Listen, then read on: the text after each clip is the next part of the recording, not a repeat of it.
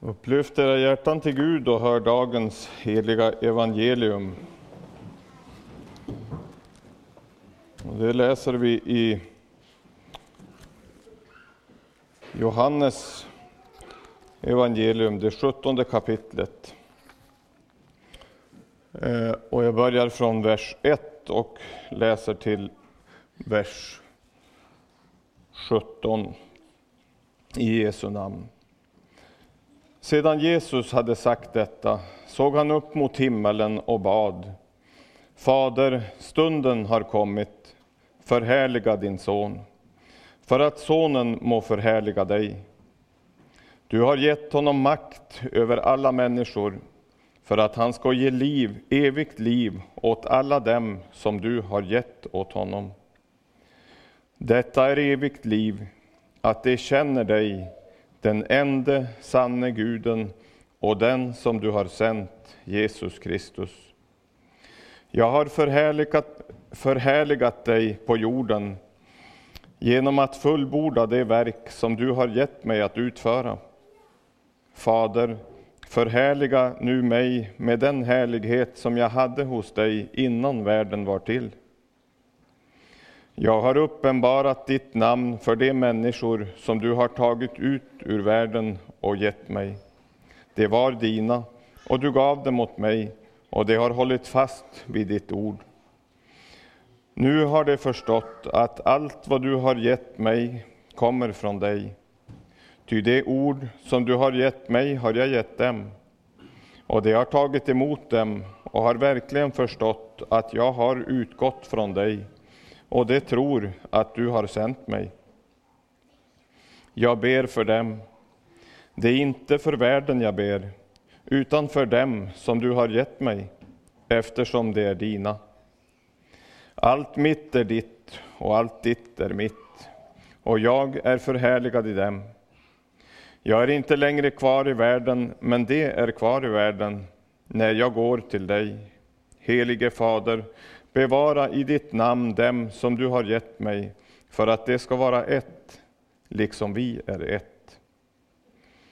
Medan jag var hos dem bevarade jag i ditt namn dem som du har gett mig. Jag vakade över dem, och ingen av dem gick förlorad, ingen utom fördärvets man, för att skriften skulle uppfyllas. Nu går jag till dig, och detta säger jag medan jag är i världen, för att deras hjärtan ska vara fyllda av min glädje. Jag har gett dem ditt ord, och världen har hatat dem, eftersom de inte är av världen, liksom inte heller jag är av världen.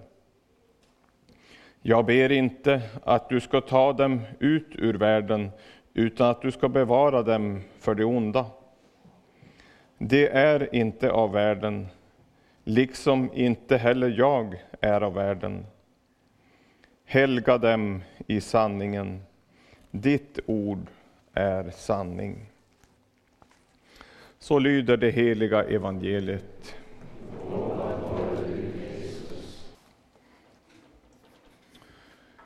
Vi börjar med att knäppa våra händer. Och vi ber med Lina Sandells ord. Ge oss en, en nådestund, o Jesu när vi samlas i ditt dyra namn. Gör oss stilla, stilla för din Ande. Dra oss alla till din öppna famn. Duka en som fordom tid i öknen, för ditt Israel, ditt rika bord. Ge åt var och en vad han och hon behöver av det dyra livets ord. Ge oss än en nådestund tillsammans, så som du ditt folk så gärna ger. Och låt dina varningar och löften tränga djupt i våra hjärtan ner. Du som vet, vi kan inte taga om du, Herre, inte ger oss det. O Herre, så giv utöver vad vi bedja. Visa oss din salighet. Ge oss en nådestund, o Jesu, låt ditt frälsningsord oss alla nå. Hjälp oss du allt bättre taga vara på de kallelser vi ännu få. Giv, ack giv, att särskilt den här stunden för oss mera ut i ordet in. Herre, vi lämnar allt i dina händer. Saken, Herre, den är ju din. Amen.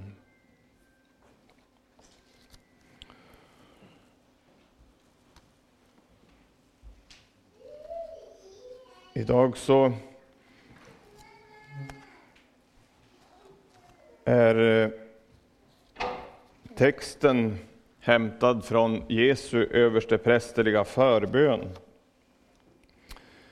Eh, och eh, när vi hade församlingsdag förra helgen så eh, påmindes eh, vi som står i talarstolen om att en del ord kan vara lite svåra att förstå.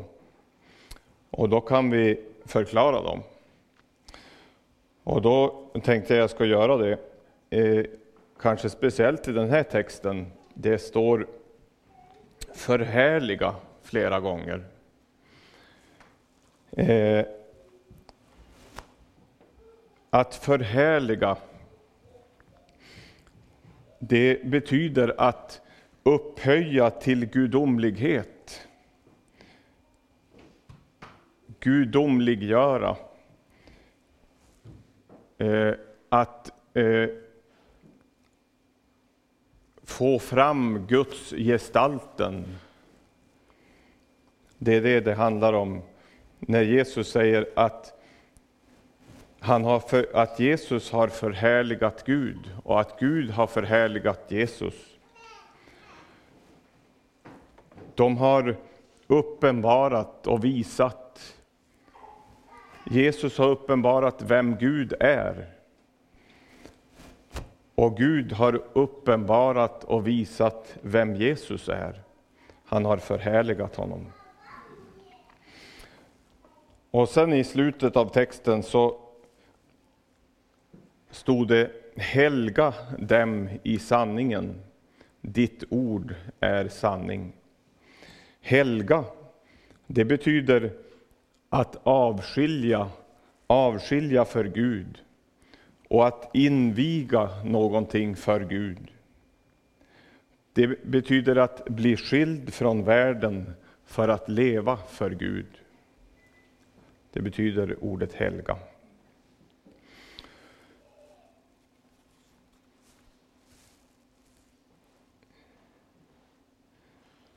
Den här texten den är ju hämtad från Jesu översteprästerliga förbön. Jesus ber, jag ber för dem. Jesus ber för de sina. Jag ber för dem. Är det inte en oerhört fin berättelse om hur Jesus ber för de sina. Vilket privilegium för Guds barn, för Jesu vänner, att himmelens Gud, ja, han som är den som råder över hela jorden. Vi skulle kunna säga att han är jordens överbefälhavare. Den som har det sista ordet, den som styr, den som bestämmer. Och så säger texten oss att han ber för sin lilla jord, för sina svaga lärjungar. Så ber denne höge, denne store Herre, alla människors Herre egentligen, djupast sett. Han ber för sina små barn. Det är en oerhört stor sak. Vi kan också se i Romarbrevet, där står det också om bönen i kapitel 8, vers 26. Så hjälper också Anden oss i vår svaghet, ty vi vet inte vad vi bör be om. Men Anden själv ber för oss med suckar utan ord. Och han som utforskar hjärtan vet vad Anden menar, eftersom Anden ber för det heliga så som Gud vill. Så är det en gemenskap, en överenskommelse i gudomen att be för Guds barn, Guds kämpande barn här på jorden. Jesus ber för oss.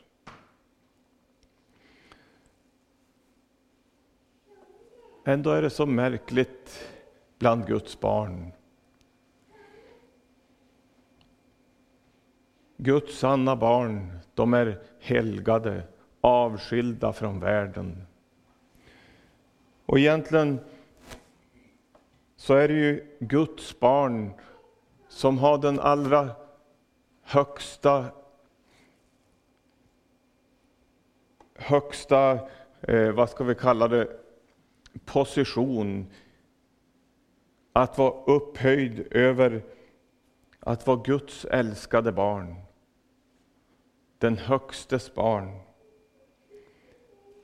Ändå så är Guds barn så märkliga många gånger.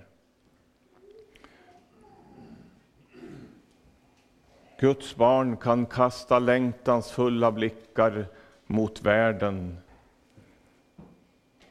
Vilja vara som dem. Uttrycka sig som dem, leva som dem. Som är Guds fiender. Men vi ska komma ihåg vilket privilegium det är att vara den Högstes barn. Och så skulle det få vara vår strävan att mer och mer likna honom. Mer och mer likna Jesus.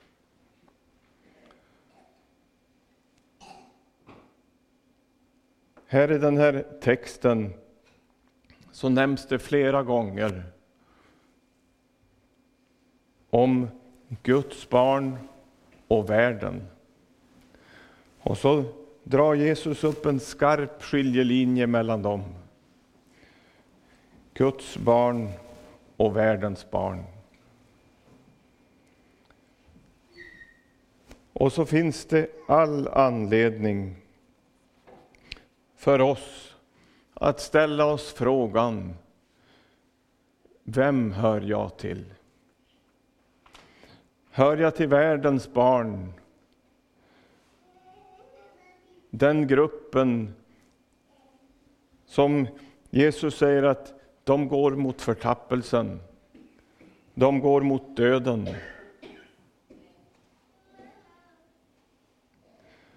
Nu är det inte så att Guds barn och världens barn, att skiljelinjen går vid ett bönhus eller en organisation. Nej, inte alls. Man kan vara döpt och höra till världen.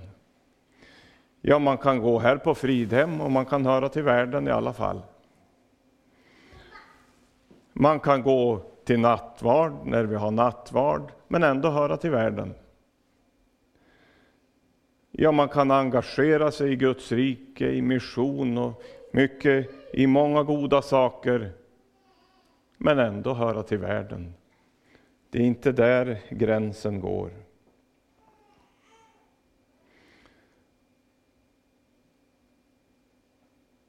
Och så har vi anledning, som Lina Sandell påminner i en sång. Ja, det var sången som vi sjöng. Fråga dig varenda dag, lever jag? Fråga dig varenda dag, lever jag? Två alternativ, Gud eller världen. Men de som hör till Guds barn, ja, Guds sanna barn, de kan se ganska betänkliga ut. Det är inte så att vi kan se till det yttre, att ja, du hörs så oerhört from, så då är du nog ett Guds barn. Nej. Om vi tar några exempel ur Bibeln, så var det en man som blev kung i Israel. Han kallades för mannen efter Guds hjärta. Det var kung David. Han var ett Guds barn, men han föll djupt, mycket djupt, i både hor och mord. Vi kan tänka på profeten Jona som fick i uppdrag att åka som missionär till Nineve. Och så predikade han för folket där att Gud skulle förstöra staden om de inte omvände sig. Och vi kan tänka oss att Jona, han tog, sparade nog inte på krutet. Han tog i allt han hade och det han sa var sant. Och han hade Gud bakom sig i det han sa. Och så omvände sig människorna där i Nineve. Och Gud ångrade det han hade sagt. Han ändrade sitt beslut att förgöra dem. Men då vart väl Jona glad? Nej, det vart han inte. Han vart arg, står det. Han vart arg för att Gud inte gjorde, att han inte förstörde den här staden. Och så satte han sig under en buske och var bitter. Men Gud strök inte Jona med hårs. Han lät den där busken som hade varit skugga för honom vissna ner över en natt och så brände solen på Jona. Och då vart han ännu mer arg.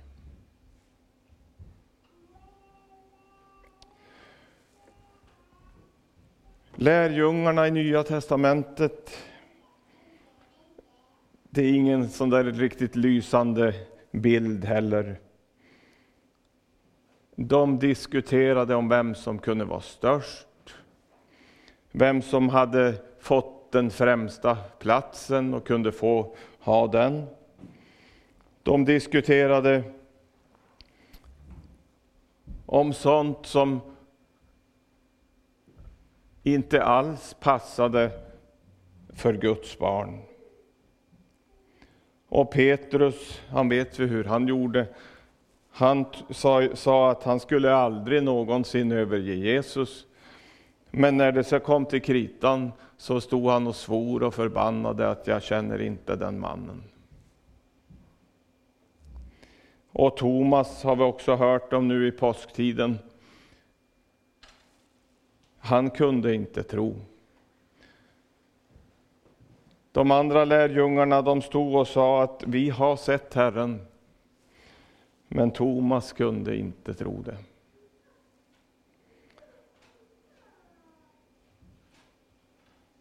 Ja, det är en märklig skara, de här Guds barnen. Ändå så är det en knivskarp linje mellan innanför och utanför. Och att jag nämner de här exemplen från Bibeln, det är för att vi kan så lätt tänka att det är en yttre fasad, yttre former som vi ska uppfylla för att kunna vara Guds barn. Men det har inte med det yttre att göra, utan det har med hjärtat att göra.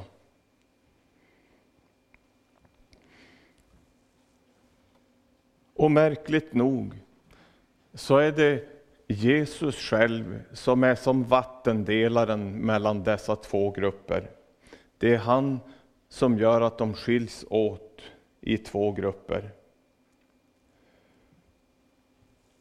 Vad var skillnaden mellan de här jungfrurna som Jesus berättar om? De där tio jungfrurna som väntade på att brudgummen skulle komma. Fem var visa och fem var ovisa, oförståndiga. Och när de sen kommer, de här oförståndiga, och klappar på, de hade ju ingen olja och så skulle de gå och köpa och göra sig i ordning och så kom de för sent. Och så klappade de på och ville komma in. Vad sa Jesus då? Vad sa brudgummen? Jo, han sa, jag känner er inte. Där är skillnaden mellan de som är Guds barn och de som hör till världen. Inte i det yttre. Det kan som sagt se betänkligt ut bland de här Guds barnen. Mången gång. Skillnaden är Jesus. Jag känner er, eller jag känner er inte. Johannes, från Johannes brev så läser vi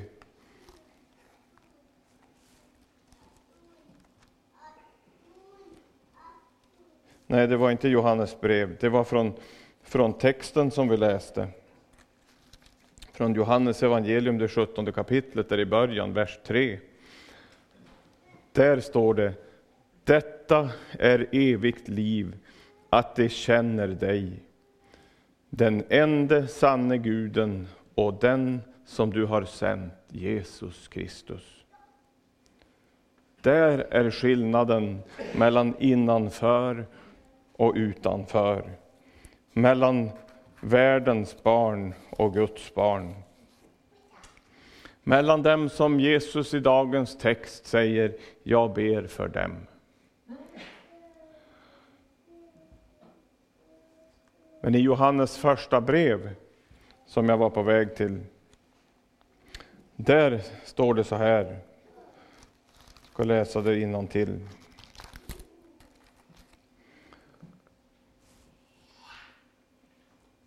Kapitel 5, vers 12.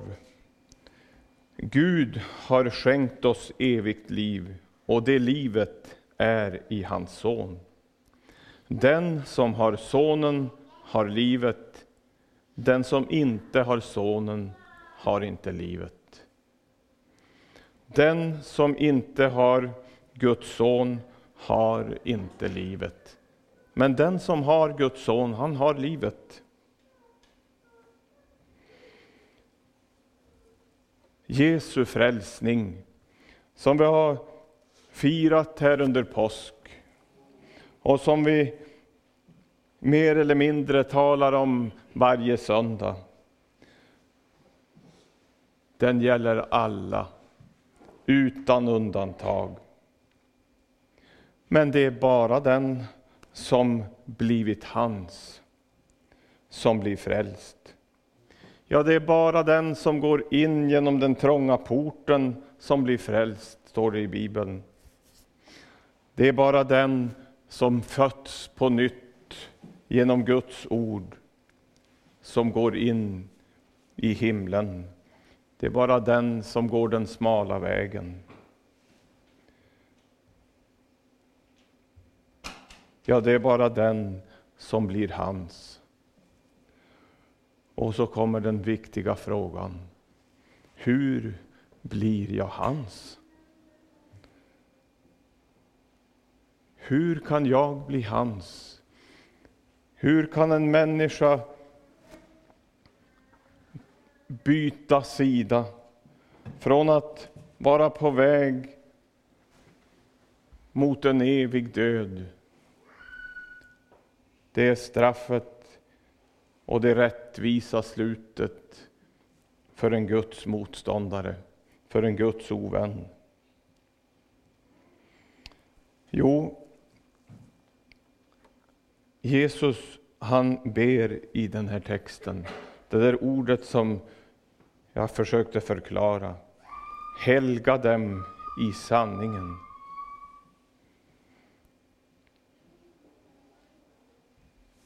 Det var sanningen. som är redskapet till att bli hans. Det är sanningen som är redskapet och som Gud använder. Och tänk så väl att det är så, att det är sanningen som Gud använder som redskap. För sanning, det som är sanning, det går inte att ändra på. Det är som det är. Men är det något som är lite halvsanning, då är det högst osäkert. Då är det inget att lita på. Men sanningen, den säger oss hur verkligheten är. Och så är det den sanning som Gud vill visa för oss och tala om för oss. Den är av, det är en dubbel sanning. Det är en sanning om dig och mig. Den är varken trevlig eller smickrande. Och så är det en sanning om Gud. Om Guds kärlek till människan. Guds oändliga kärlek till människan.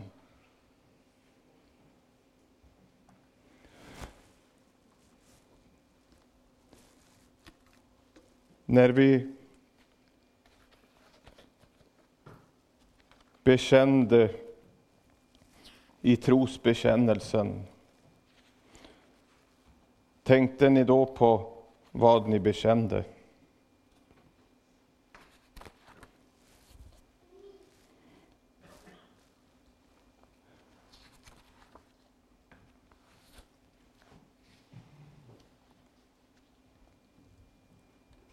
Jag är därför värd, om vi kan ta lite högre upp.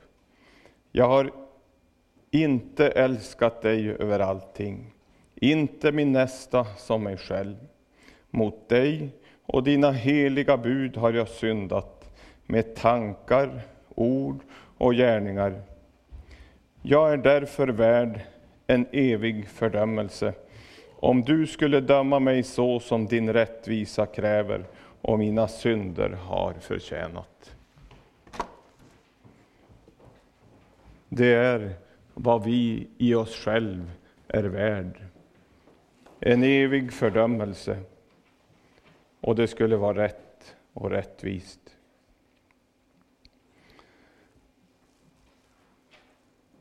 Och Bibeln förutsäger att alla människor en dag ska måste ge Gud rätt.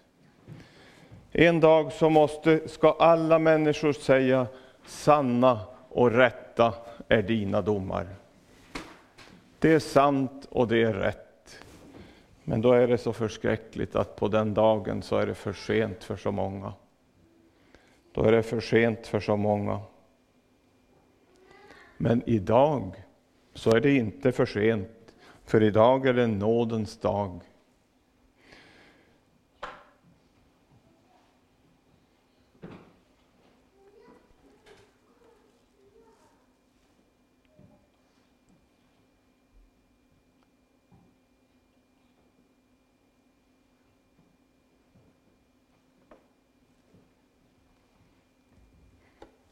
Men nu är det så med Gud. Han vet allt.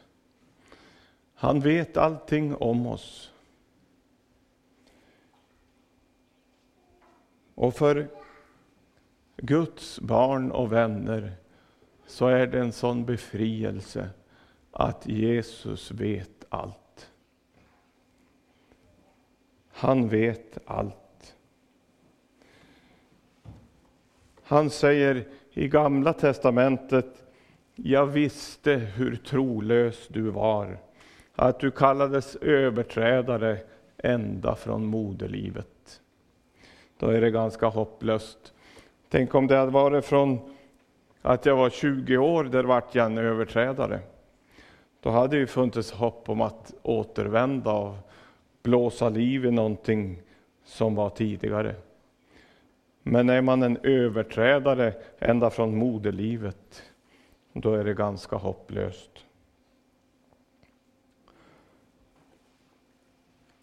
I Hesekiel Där står det när, när eh, Gud beskriver sitt folk så är det ingen vacker beskrivning. Han skriver där, Herrens ord kom till mig, han sa, du människobarn, låt Jerusalem förstå vilka vidrigheter hon bedriver och säg, så säger Herren, Herren till Jerusalem. Från Kanans land kommer du och där är du född.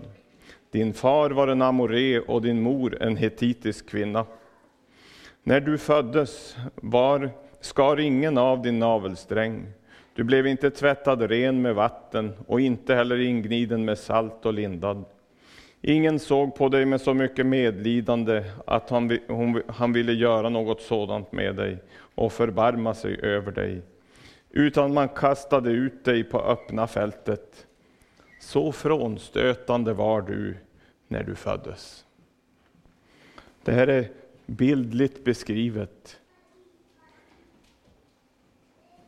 Hos människan, hos oss människor, finns det inget tilldragande i Guds ögon. Tyvärr.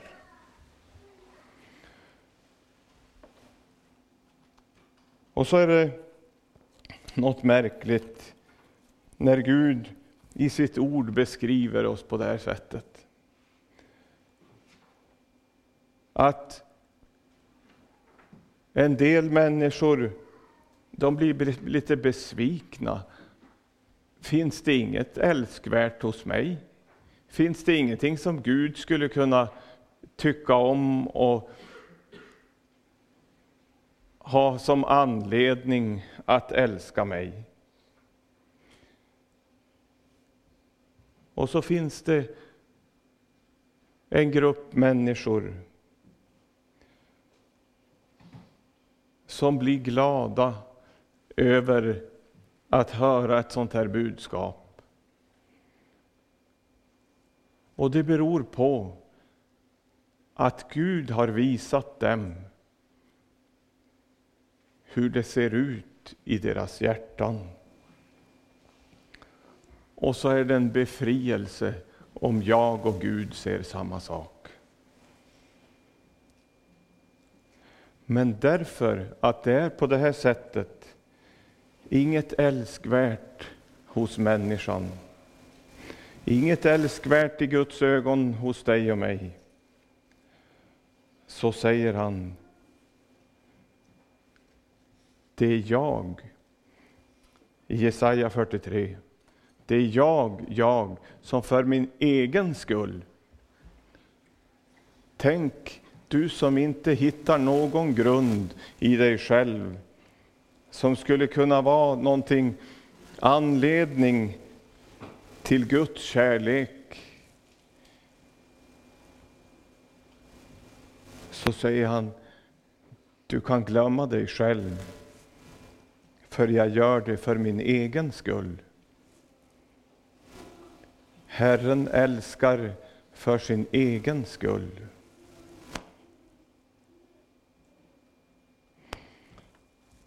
Det är jag, jag som för min egen skull stryker ut dina överträdelser. Dina synder kommer jag inte mer ihåg.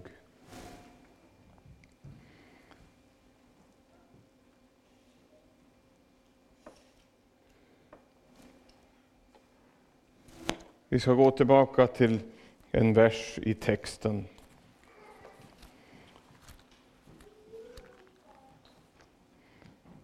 Nu går jag till dig, säger Jesus till sin himmelske far.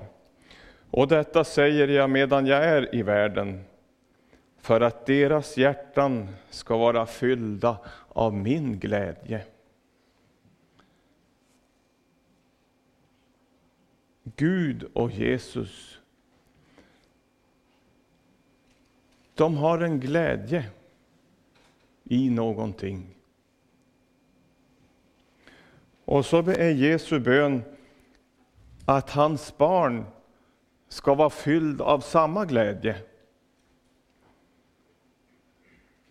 Vad är det som är Guds glädje? Vad är det som Gud gläder sig åt?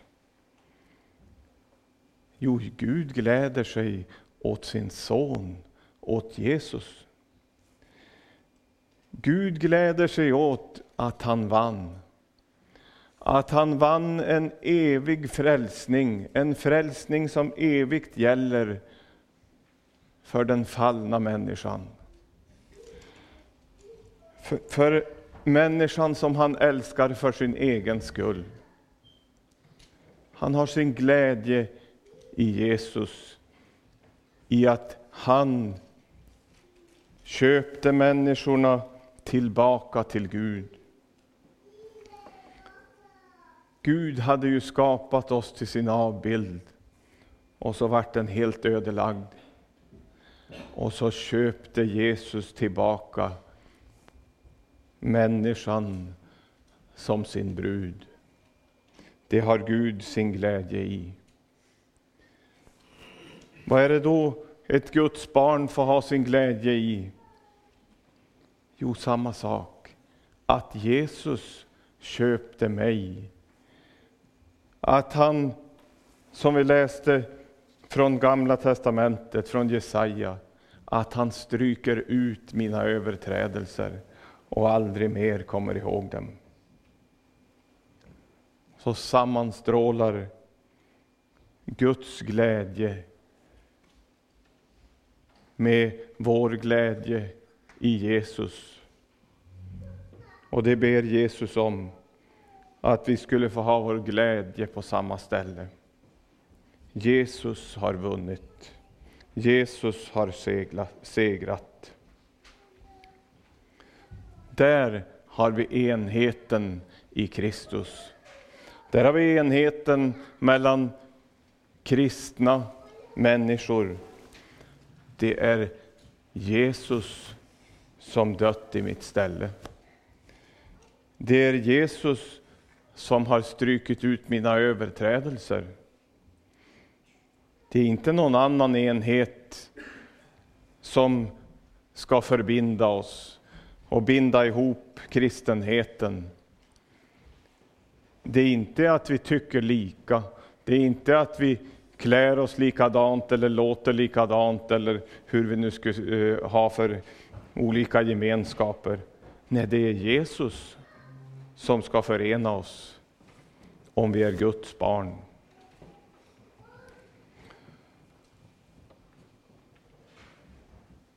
Så nu kommer söndagsskolan ner och det betyder väl att man ska sluta kanske. Så får du och jag, vi får utbrista med glädje. Så är jag friköpt, ingen dom mig fäller. För min förlossare är Herren Krist. Hans dyra blod långt mer än synden gäller.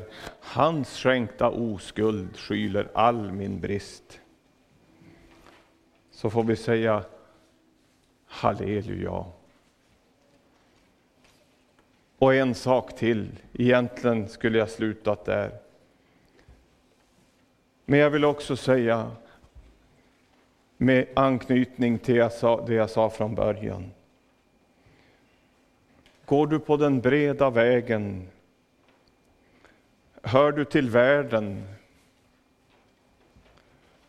Så gäller evangeliet för dig också idag. Också du ska komma, ja, du ska komma idag. För så älskade Gud världen att han utgav sin egen son, för att var och en som tror på honom inte ska gå förlorad, utan ha evigt liv. Så flyttar han över dig som hör till världen, har kommit bort från Guds barns skara. Han vill flytta över dig in i sitt rike för sin kärleks skull.